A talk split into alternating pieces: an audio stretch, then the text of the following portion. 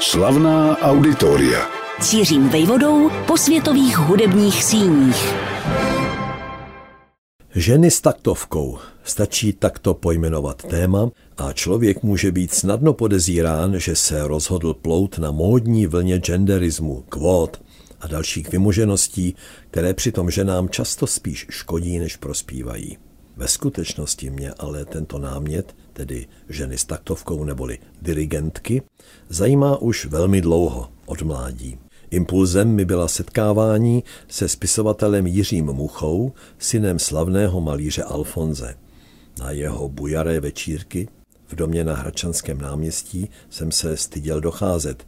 Měli jsme naštěstí jiné příležitosti, při nichž mi tento rozporuplný muž a nedoceněný autor vyprávěl o své první ženě, skladatelce a dirigentce Vitce Kaprálové, přítelkyni Bohuslava Martinů, autorky proslulé vojenské symfoniety. Kdykoliv od té doby projíždím Vysočinou, zastavím se v obci Tři studně, kde Kaprálová pobývala a přemýšlím o ní i o dalších ženách s taktovkou, které si, každá jinak a každá zvlášť, zaslouží pozornost. Už proto, že dirigování bývá tradičně řazeno k takzvaně mužským profesím. Často z příčin, které se skoro stydím vyslovit. Prý si u orchestrů, v nichž vesměs početně převládají hudebníci nad hudebnicemi, nedokáží zjednat respekt. A také na dirigování, co by křehká stvoření, prý nemají dost fyzických sil. To vše jsou, když ne přímo nesmysly, tak nejapné výmluvy. A dokazuje to zvolna, ale přece jen narůstající počet dirigentek ve světě. Vyvrátit zakořeněné pověry je ovšem běh na dlouhou trať. Proto je třeba o tématu hovořit, upozorňovat na zajímavé ženy s taktovkou, vyprávět jejich příběhy a zveřejňovat jejich kariéry v nejednom případě ohromující. Od Vitky Kaprálové ročník 1915 jsem při zkoumání pramenů zacouval hlouběji do minulosti k významné představitelce francouzské klasické hudby Nadě Boulanger narozené ještě v předminulém století roku 1887, že byla co by pedagožka můzou bezpočtu skladatelů, včetně třeba Astora Piazzoli, je dobře známé, že jiným řekla, proč se u ní ohlásili, když už všechno umí, také. Sama ovšem rovněž dirigovala a příhodná k proskoumání jsou jména jejich žaček, které ji na této cestě následovali, to jest nejen komponovali, ale též dirigovali. Polka Gražina Bacevič, američanky Louise Talma a Marion Bauer, australanka Peggy Glenville Hicks či skotka Thea Musgrave, co jméno, to pojem. A pakže je dirigování převážně mužskou záležitostí.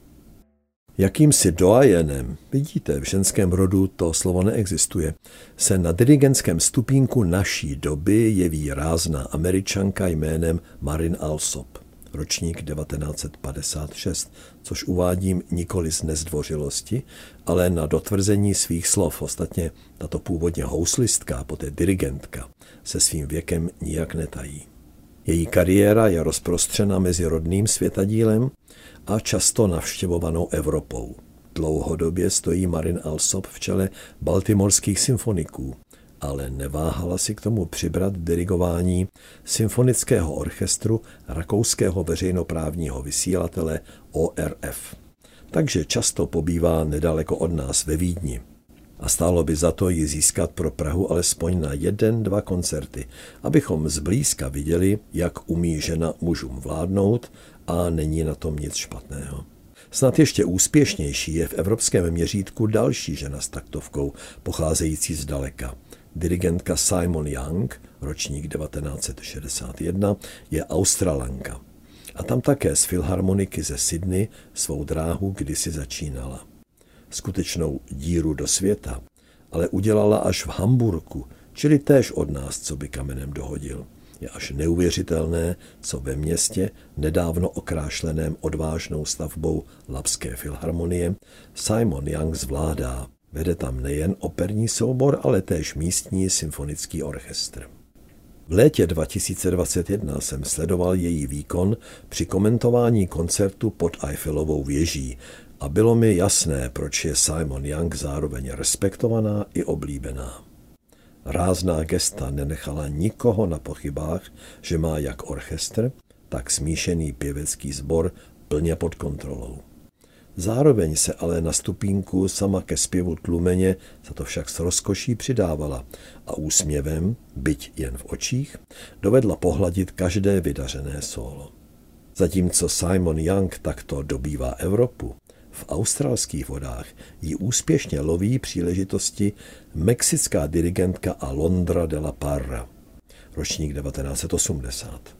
Při studiích v New Yorku jí byli mentory jak Kurt Mazur, stojící tehdy v čele tamních filharmoniků, tak zmíněná Marin Alsop. De Parra, podobně jako její kolegyně, hostuje u evropských těles. Taktovku pozdvihla v čele curišského Tonhalle Orchestr nebo londýnského symfonického orchestru.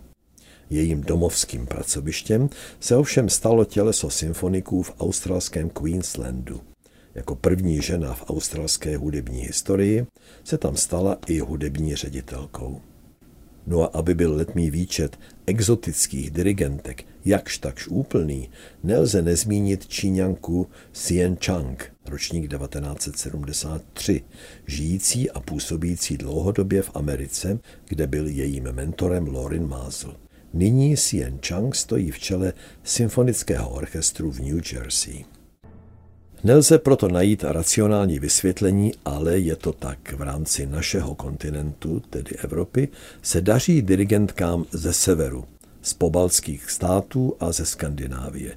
Příkladů by bylo víc, ale opominout nelze alespoň tři z nich. Výraznou hvězdou dirigentských stupínků je rodačka z litevské metropole Vilnius, kde přišla na svět roku 1968.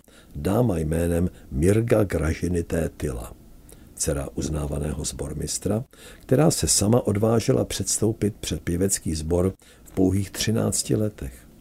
Naplno pak využila možností, které se otevřely po pádu komunismu.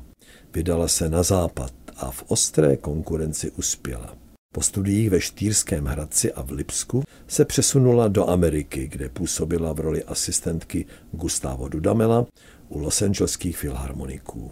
Poté byla této dámě Mirze Gražinité Tyla nabídnuta jedinečná příležitost. Zájem o ně projevilo jedno z nejlepších hudebních těles na půdě Albionu. Symfonický orchestr města Birmingham, jak zní jeho oficiální název. Ten, který k mezinárodní proslulosti dovedl se Simon Rattle a Mirga Gražinité Tyla si v jeho stopách vede zdařile. Úspěšná je rovněž Kristýna Poska, žena s taktovkou z Estonska, ročník 1978. Také ona se během 90. let minulého století rozhodla proniknout do světa a začala důkladnými studiemi hudby na Hochschule für Musik Hans Eisler v Berlíně, kde si vydobila renomé a následně získala první cené zakázky. Například dirigování traviaty v komické opeře, kam ji přivedl Kiril Petrenko. Poska uspěla i v drážďanské Semprově opeře, ale stále působiště jí nabídla vlámská část Belgie. Získala tam stálý pracovní úvazek jako šéfka Vlámského symfonického orchestru. Roku 2021 Kristýna řídila Janáčkovu filharmonii Ostrava v rámci Mezinárodního hudebního festivalu Leoše Janáčka, který chce zvát dirigentky pravidelně. Mluvě o Skandinávii nelze opominout finskou violončelistku a dirigentku Suzánu Melky, ročník 1969. Po studiích v Helsinkách a v Londýně absolvovala mistrovské kurzy v Carnegie Hall pod vedením krajana Essi Pekky Salonena a přes symfoniky v St. Louis se propracovala jako první žena do pozice hlavní hostující dirigentky Los Angeleské filharmonie. Dveře jí otevřela též metropolitní opera. Stručně schrnuto ze severu se do různých směrů vydalo hned několik tamních žen s taktovkou a dokázali prorazit. Výlet prostorem i časem za dirigentkami začal u Vitky Kaprálové a závěrem je proto třeba oblouk završit a vrátit se domů. Minimálně tří žen čelících ze stupínku různým orchestrům je vhodné si povšimnout. Neudiví, že na mysli i hned vytané jméno Miriam Němcové, absolventky Pražské konzervatoře a oboru kompozice a dirigování na Akademii muzických umění. Liberec, Karlovy Vary, státní opera v Praze, to jsou jen některá zastavení na její cestě, kterou si vydobila renomé. Ze Švýcarska, kam se po listopadu 1989 vydala na studia, aby se tam následně usadila, občas přijíždí do Čech dirigentka Olga Machoňová Pavlů. A naopak od nás do světa se například účastí v různých soutěžích vydává Nicole Kraft. Všestraná mladá žena, absolventka dirigování na Janáčkově akademii muzických umění v Brně a muzikologie na Pražské filozofické fakultě. Břitký hudební publicista Londýňa Norman Lebrecht v knize Mýtu s jménem Maestro napsal Ženu mohou zvolit premiérkou, může stát v čele nejvyššího soudu a nebo sloužit mši v protestantském kostele, ale do čela symfonického orchestru ji nevpustí. Naštěstí se zdá, že to přestává platit.